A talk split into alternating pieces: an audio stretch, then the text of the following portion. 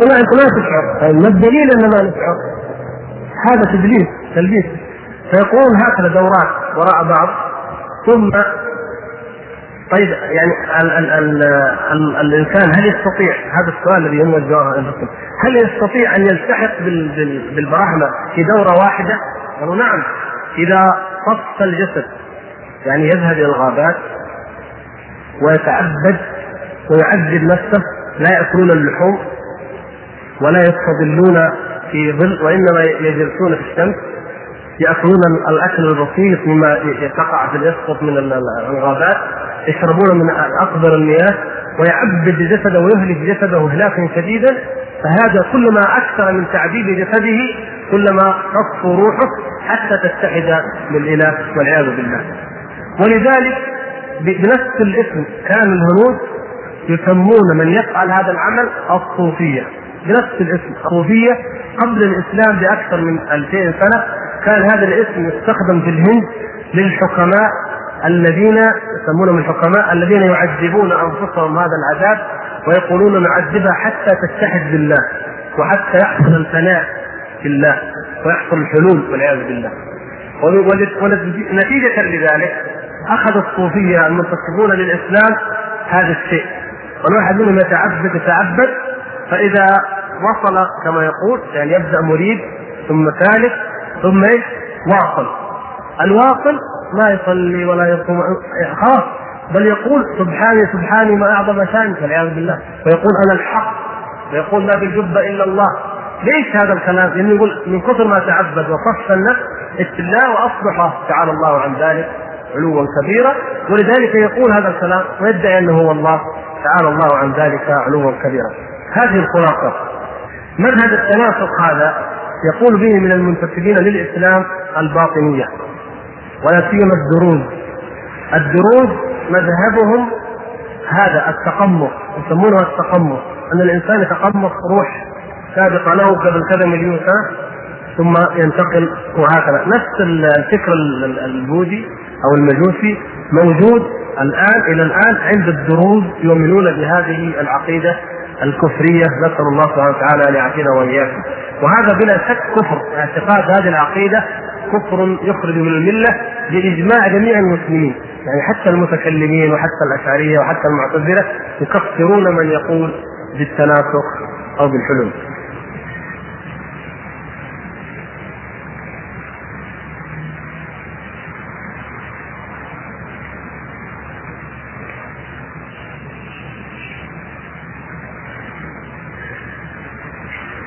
هذا الاخ يقول قد ثبت في الحديث الصحيح أن الرسول صلى الله عليه وسلم رأى الله في المنام. في أحسن صورة. حديث فيما يختص الملا الأعلى. نعم هذا اللي أنا قلت إنه مختلف فيه وأن في رواية إحدى رواياته على شر. البخاري هو في الحديث.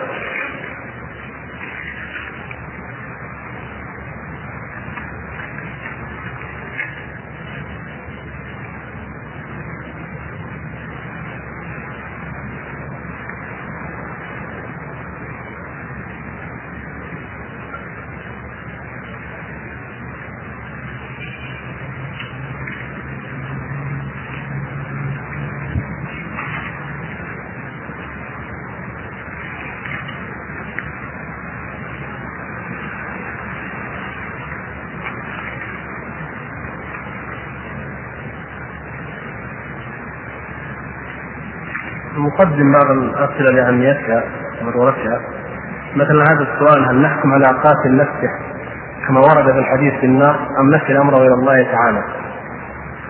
قاتل نفسه متوعد بالنار هو متوعد بالنار. لكن أنا وأنت لا نقول إن فلانا الذي قتل نفسه بعينه فلان من أهل النار. هو داخل تحت الوعيد. ما معنى داخل تحت الوعيد؟ كما قد أوضحنا ذلك نقول إن مذهب أهل السنة والجماعة أن الاحاديث وآيات الوعيد هذه في حق صاحبها في الجملة في الجملة جملة من يفعل هذا الفعل كشرب الخمر أو الزنا وأمثاله. جملتهم وأحادهم يستحقون ذلك بمعنى أن هذه هي عقوبتهم لو عاقبهم الله. لكن هذا ليس قطعا بالعقوبة. يعني بمعنى أنه إذا كان الزاني أو شارب الخمر أو اكل مال اليتيم توعدهم الله عز وجل بأن هذا نقر به ونثبته. ونقول إن جملة الزناه أو السارقين أو الشاربين من أهل النار. ولا المعين منهم نقول يدخل تحت الوعيد لكن لا نقطع بأن فلانا بعينه في النار. لماذا؟ لأن هذا القطع يحتاج إلى علم وليس لنا لدينا علم وأما مجرد الآيات والأحاديث التي فيها الوعيد له فإنها تضم إلى مجموع الأحاديث الأخرى. هناك أحاديث في تكفير الخطايا أليس كذلك؟ آيات في تكفير الخطايا آيات في الوعد وأحاديث في الوعد. فنضع آيات الوعد وأحاديث الوعد مع آيات الوعيد وأحاديثه ونكل أمره إلى الله عز وجل. الذي شرب الخمر في عهد النبي صلى الله عليه وسلم شهده النبي صلى الله عليه وسلم بأنه يحب الله ورسوله. فحب الله ورسوله أمر قلبي. نحن إذا قلنا هذا يشرب الخمر إذا هو في النار ما يجوز هذا لأن قد يكون لديه عمل خفي عنا وهذا العمل آه، ثوابه أعظم من عقوبة شرب الخمر. وأيضا قد نرى انسانا محافظا على الصلوات وعلى العبادات الظاهرة وهو في حقيقته وفي قلبه منافق أعاذنا الله وإياكم من أهل النار. فإذا لا نقطع للمعين إنما نرجو للمحسن الثواب ونخاف على المسيء العقاب. وأما الخلود الذي في في هذا الحديث فإنه ليس الخلود الأبدي لأنه لا يخلد في النار خلودا أبديا إلا الكافر. فقاتل نفسه لا يخلد خلودا ابديا في النار بل يخرج منها برحمة الله سبحانه وتعالى أو بشفاعة النبي صلى الله عليه وسلم أو بشفاعة الشافعين إن دخلها يعني يخرج منها بعد أن يعذبه الله سبحانه وتعالى بما يشاء جل شأنه. نعم هو يعامل معاملة المسلم يصلى عليه يصلى عليه معنى إنه لابد أن يدعى له. لكن السؤال الآخر الذي قد يرد هنا إنه هل معنى أنه يصلى عليه أو لا تترك الصلاة عليه؟ أنه يجب على كل إنسان أن يصلي عليه. هذه قضية أخرى يا إخوان لاحظوا. يعني إنسان مدمن خمر عافانا الله واياه مدمن خمر أو تارك دين أو كان يسب الدين أو يكره عباد الله الصالحين أو شيء من الموبقات. مات هل يجب علينا جميعا نصلي عليه؟ فرق بين يجب علينا نصلي عليه وبين أن نقول أنه تجوز الصلاة عليه. إذا أهله أو اقربائه أو من كانوا على شاكلته في المعاصي صلوا عليه ندعهم وإياه. لكن نحن لا يجوز أن لا يصلى عليه. النبي صلى الله عليه وسلم في أول الأمر كان إذا أتي بصاحب دين قال هل عليه دين؟ قالوا نعم قال صلوا على صاحبكم. حتى وسع الله سبحانه وتعالى عليه وقضى أصبح يقضي. قال أنا كفيل كل مؤمن. الإنسان يعني يقاس على هذا أي إنسان في تركه الصلاة عليه زجر له. مثل عالم أو إنسان إمام المسجد مثلا يدعو الناس دائما أو إنسان له شأن في المجتمع وينهى الناس عن المعاصي ويأمر بالمعروف وينهى عن المنكر. ويموت مدمن خمر أو معروف أنه تارك صلاة الجماعة مطلقا أو له أفعال قبيحة مشهورة فإنه يعني هنا ليس فقط يجوز قد يشرع قد يكون مستحبا أن من كان له فضل أو علم أن لا يصلي عليه زجرا للآخرين. حتى يقال ما صلى عليه فلان يقول نعم لأنه كان كذا كذا. فيخاف صاحب هذا الفعل ومن كان يعمل مثل عمله يخاف أيضا أنه لو مات لا يصلى عليه فيرتدع ويتوب. اذا القضية إنه يجوز نعم يعامل آه، قاتل نفسه يعامل معاملة المسلم لا معاملة الكافر في الصلاة وفي الدفن. لكن هل معنى هذا انه نصلي عليه الحكم حكم صلاة الجنازة التي ورد فيها الفضل العظيم والتي هي مندوبة فرض كفاية مشروع لنا في حق أي مسلم إما مجهول الحال وإما مستقيم لا. قد يكون من عقوبته أنه لا يصلى عليه. ولا سيما إذا كان ذلك الفعل ممن له شأن أو فضل وترك الصلاة عليه فيه ردع وزجر للآخرين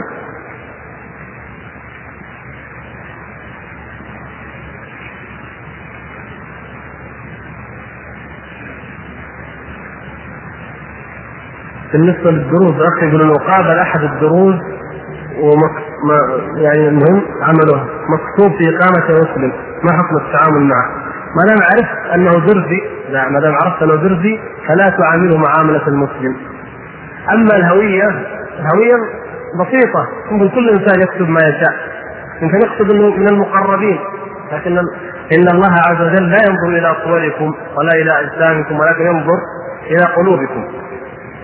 وقد كان الدروز والشيعة في أيام الدولة العثمانية يكتب مكان الديانة يكتب الديانة شيعي أو الديانة درزي إلى أن قامت دعوة القومية وانطلقت في بلاد الشام وغيرها وأول من أسس القومية العربية ودعا إليها هم النصارى كما هو معروف لديكم على ما أظن جميعا. النصارى هم أول من دعا إلى القومية العربية حتى يجيبوا هذه الفوارق. فقالوا الدين لله والوطن للجميع. الدين لله والوطن للجميع. هذا شعارهم فما في فرق المسلم والكافر والمجوسي عابد النار عابد البقرة عابد ما دام في وطن واحد فيشملهم جنسية واحدة. ولم ولا ولا فرق بين هذا وبين ذاك. فألغوا بذلك هذه هذه القاعدة التي كانت معمول بها في الدولة العثمانية وأصبحوا يكتبون فقط أنه كل من من انتسب للإسلام فهو ينتسب لأنه مسلم.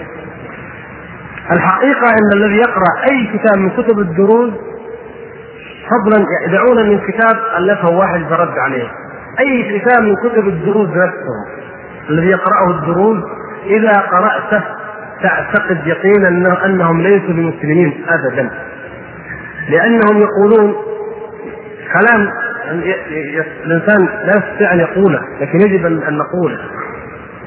يسمون النبي صلى الله عليه وسلم إبليس والعياذ بالله. يسمون الان الشريعة الإبليسية. يقولون في أحد صفحات كتابهم المسمى كتاب الحكمة وهو أعظم كتاب عندهم يتعبدون به.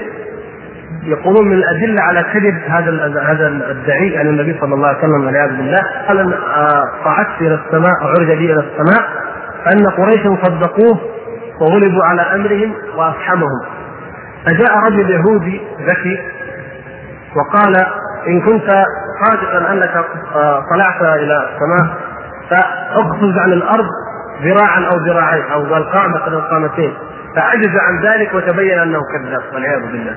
هذا هذا يمكن يكونوا مسلمين.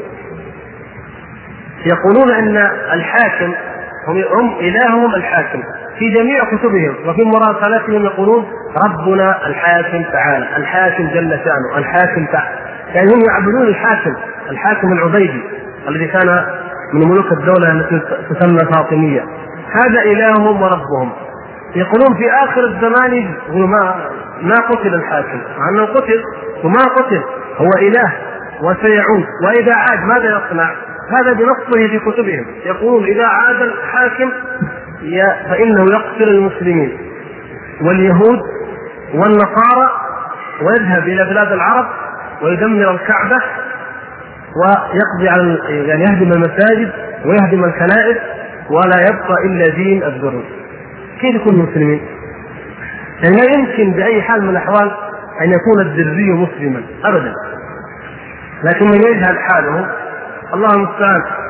كثيرا ما نجهل أحوال هؤلاء القوم. في يعني من الكتب اللي يمكن تقرأوها وممكن تكون موجودة واضحة آه، في كتاب هذه وصيتي كمال دنبلاط هذا كتاب عادي يعني ينباع كمال دنبلاط وابن وليد دنبلاط هما من قادة الدروز هذا الكلام مذكور فيه. مذكور فيه التقمص ومذكور فيه تناقض الأرواح والتاليه الحاكم وأمثال هذه الأشياء. يذكرها ليوصي بني قومه. من أراد أن يقرأها فهي أظنها أنها تباع عادي يعني أظنها ما هي ممنوعة لأنه الكلام هذا ضمن ضمن كلام آخر فما أظنها ممنوعة مع أنه طبعا المفروض أنها ممنوعة كتب الدروس لكن أنا رأيت بعض كتب لكمال بن بلاط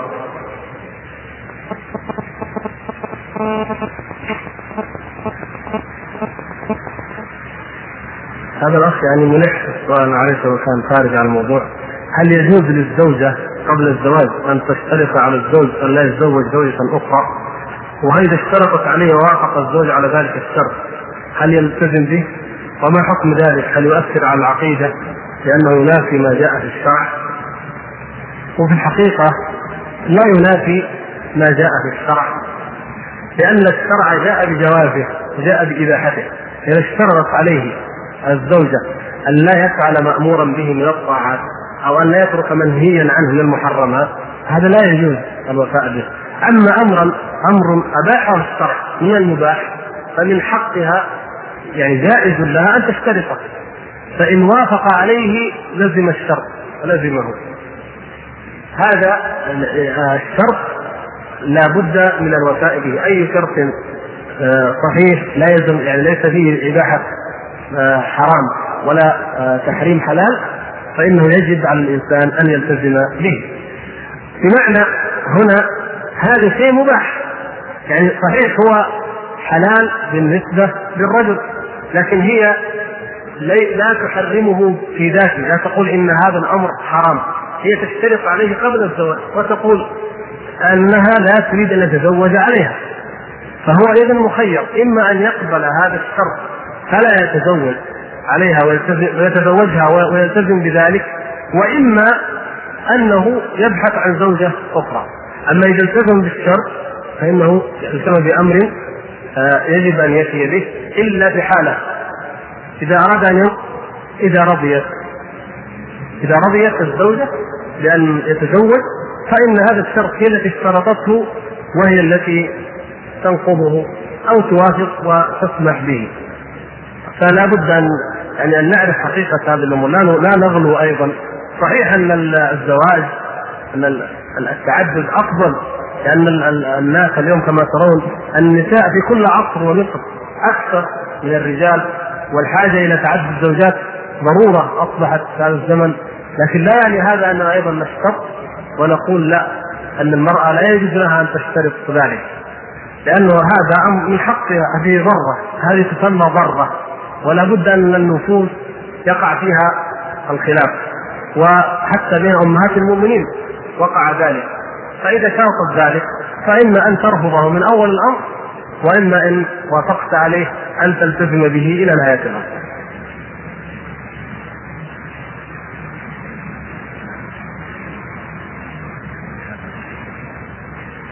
هل الدروز والمكرمية والكرامة والفرق الباطنية هذه هل أصلهم واحد وهل هم كفرة؟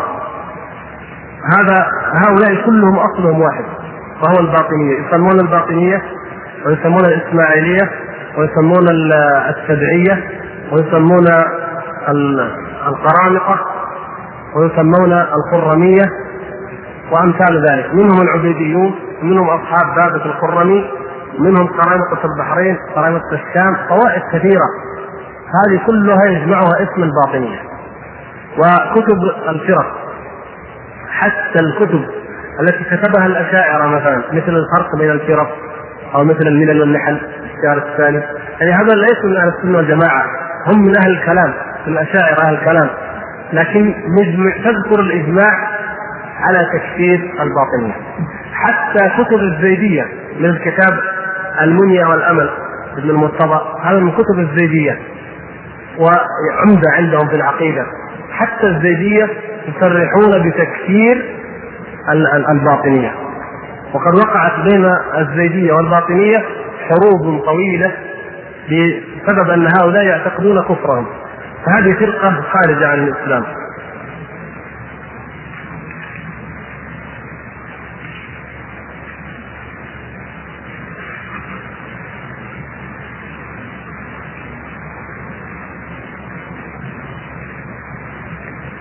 التشبه ليلة الجمعة لقراءة سورة ياسين بنية التبرك وعمل الوليمة. هذا بدعة ولا يجوز. وكذلك المآكل ما يعمل في المآكل أن يحضر عدد معين ويؤتى بمكبرات الصوت كما فعل الأخ في وقت معين ويقرأ القرآن في أوقات معينة والناس جالسين. هذه كلها من البدع. وسنة العزاء معروفة. والقرآن يقرأ فردا انفراد أو جماعة يقرأ بالصفة المشروعة ولا يحدد صورة معينة في ليلة معينة. هذه التحديدات والكيفيات تخرج الأمر إلى البدعة الأخ يسأل عن حكم الموالاة.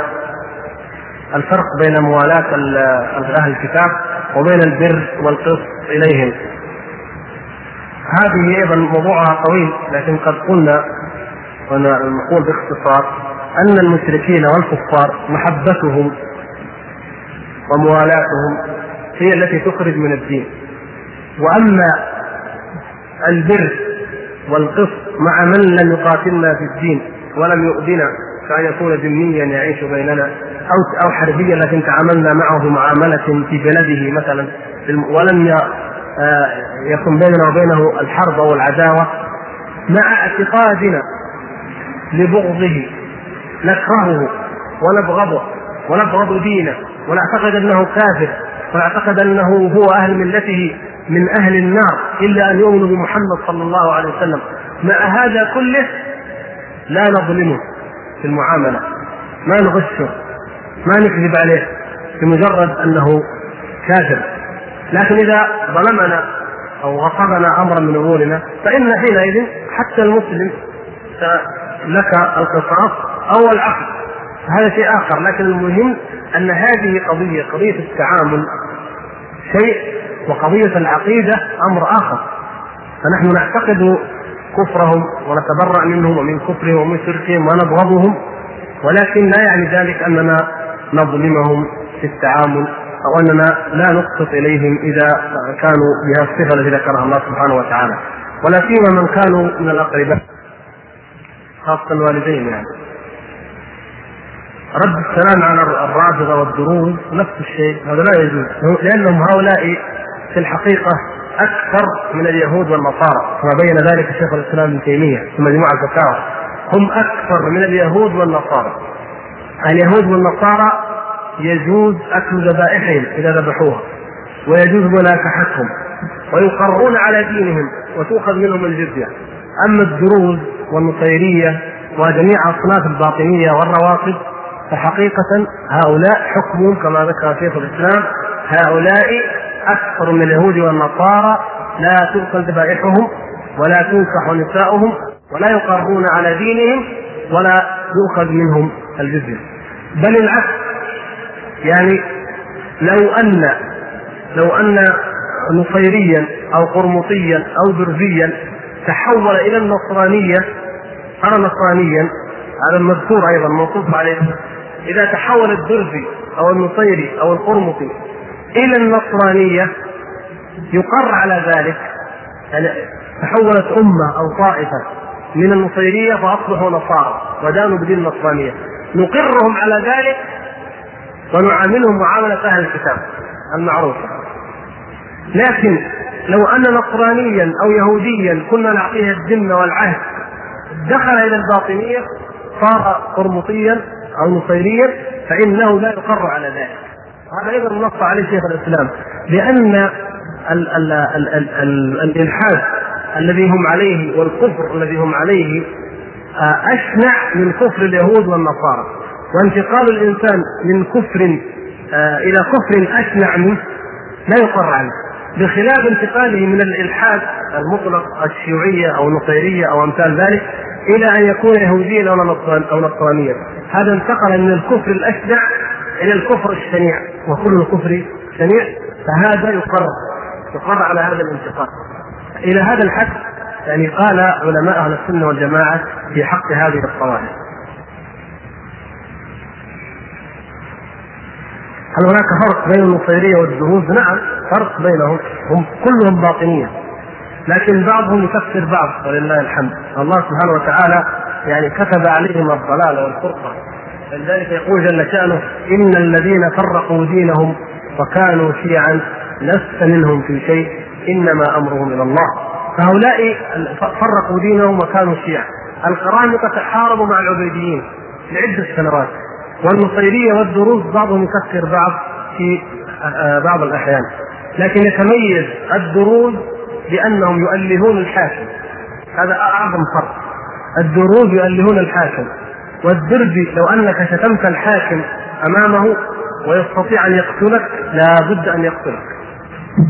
أما النصيرية فإنهم يؤلهون علي بن أبي طالب. ولهذا يسمون العلويون. فهؤلاء يؤلهون علي واولئك يؤلهون الحاكم. والدروز يكفرون النصيرية بسبب هذا الشيء. يقولون من لم يقر بألوهية الحاكم فإنه كافر. لا دين له. مرتد. فهم يكفرون النصيرية من أجل ذلك. ويقول الدروز إن النصيرية يبيحون العرض.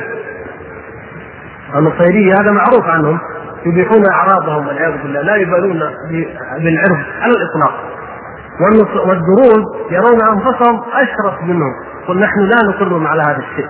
فإنهم كفار لسبب أنهم لا يؤلهون الحاكم ولأنهم يبيحون العرض. بينما حتى الدروز لديهم هذه الإباحية موجودة حتى في كتبهم في كتاب الحكمة وفي غيره فهناك فوارق بين هذه الطوائف لكن يجمعها جميعا الخروج من الملة كما أجمع على ذلك المؤرخون وكتاب الملل والنحل الصلاة خلف أصحاب البدع هل تجوز؟ الصلاة إذا إذا وقعت خلف صاحب بدعة فهي صحيحة. لا تجب الإعادة. لكن قريب مما قلنا في حق الإنسان أن يقاتل نفسه. آه، لا تتعمد أنك تصلي خلف أصحاب البدع. لا تتعمد أن تذهب إليهم وأن آه، تسمع مثلا خطبهم أو أن تصلي خلفهم وما أشبه ذلك. لكن لو وقع لك أنك صليت خلف واحد منهم فإن صلاتك أنت صحيحة بإذن الله وما عليك شيء. هذا طبعا زي ما قال الأخ مثلا صاحب بدعة مولد أو صاحب بدعة أي بدعة لا تخرج من الملة. لكن من كانت بدعته مكفرة وكان واضح الكفر فإن الإنسان يعيد الصلاة خلفه. لو لو مثلا صلى إنسان وما درى ان الإمام قادياني ما درى انه خيري بهائي برزي هذه فرق خارجة من الملة. هذه يجب عليك أن تعيد الصلاة لأن هذا لا ليس له قراءه أصلا. لكن لو كان مثلا مجرد أنه يؤول بعض الصفات أو أنه آه، له كلام في القدر أو أمثال ذلك من البدع لا تخرج صاحبها من الملة فإن صلاتك صحيحة لكن لا تتعمد أن تذهب آه، إليه.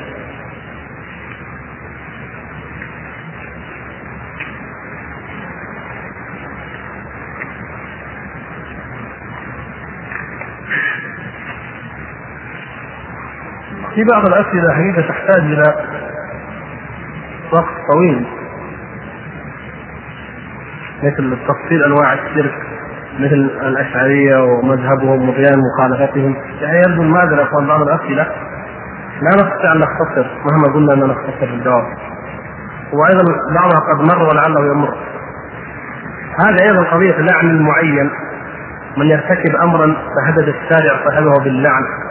هل يجوز لعنه بعينه؟ مرت في الحلقة الماضية. قلنا إن الارجح أن لعن المعين لا يجوز. بل تلعن أصحاب الذنب عامة. تقول لعن الله على الظالمين.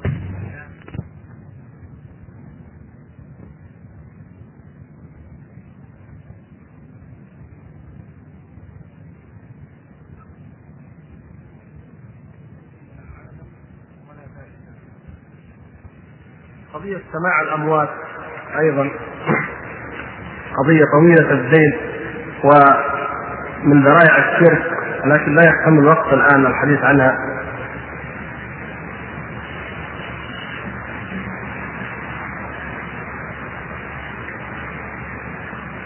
هل يجب على المسلم أن يلتزم بمذهب معين من المذاهب الأربعة؟ يجب؟ لا لماذا يجب؟ الوجود لا يكون إلا بأمر الله أو بأمر رسول الله صلى الله عليه وسلم والالتزام بكلام أي إنسان غير النبي صلى الله عليه وسلم معناها الموافقة له في خطئه وفي صوابه. وهذا لا يكون لأحد إلا رسول الله صلى الله عليه وسلم الذي لا يقع منه الخطأ في البلاغ عن الله عز وجل. وأما غيره فإنه غير معصوم ولا يجوز آه، تقليد أو اتباع غير المعصوم صلى الله عليه وسلم. والأئمة الأربعة ليس فيهم أحد دعا الناس إلى اتباع أقواله كل الأئمة إنما جاءوا يريدون الحق ويريدون السنة ودعوا الناس إلى السنة وأنكروا على من يعارض آه، سنة النبي صلى الله عليه وسلم بكلامهم بأقوال ثابتة عنهم معلومة في مواضعها. ذكر بعضها الشيخ ناصر الدين الألباني في أول آه، كتابه صفة صلاة النبي صلى الله عليه وسلم. فهم نفسهم ليسوا لم يرضوا ولم يدعوا إلى أنفسهم. هل كل طوائف الشيعة خارجه من الملة المحمدية؟ لا. الشيعة نوعان الزيدية والرافضة والغلاة أصناف. لكن الزيدية خاصة هم معتزلة الزيدية معتزلة. في العقيدة إلى الآن الزيدية عقيدتهم هي الاعتزال. وهؤلاء لا يخرجون من الملة وإنما حكمهم حكم أهل الاعتزال. أما الرافضة الذين يكفرون أصحاب النبي صلى الله عليه وسلم ويقولون إن القرآن آه، محرف وأنه ناقص ويذكرون الكفريات المعروفة عنهم فهؤلاء آه، نفس الزيدية تكفرهم. كما قلت لكم أن كتاب المنيا والأمل وهو مقدمة البحر الزخار أكبر أشهر من اشهر كتب الزيدية يقولون إن الرافضة كفار. هم هم نفسهم يقولون إن الروافض كفار لأنهم رفضوا زيد بن علي.